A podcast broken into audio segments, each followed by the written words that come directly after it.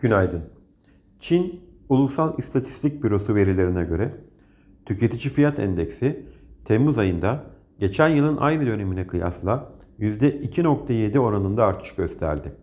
Rusya'nın boru hattı yoluyla Avrupa Birliği'ne ve İngiltere'ye doğalgaz ihracatı bu yılın ilk 7 ayında geçen yılın aynı dönemine göre %40 azalarak son 40 yılın en düşük seviyesine geriledi.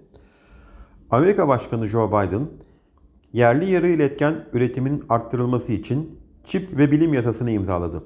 Bugün Türkiye'de iş gücü istatistikleri açıklanacak. Yurt dışında ise gözler Amerika'da enflasyon verisinde olacak.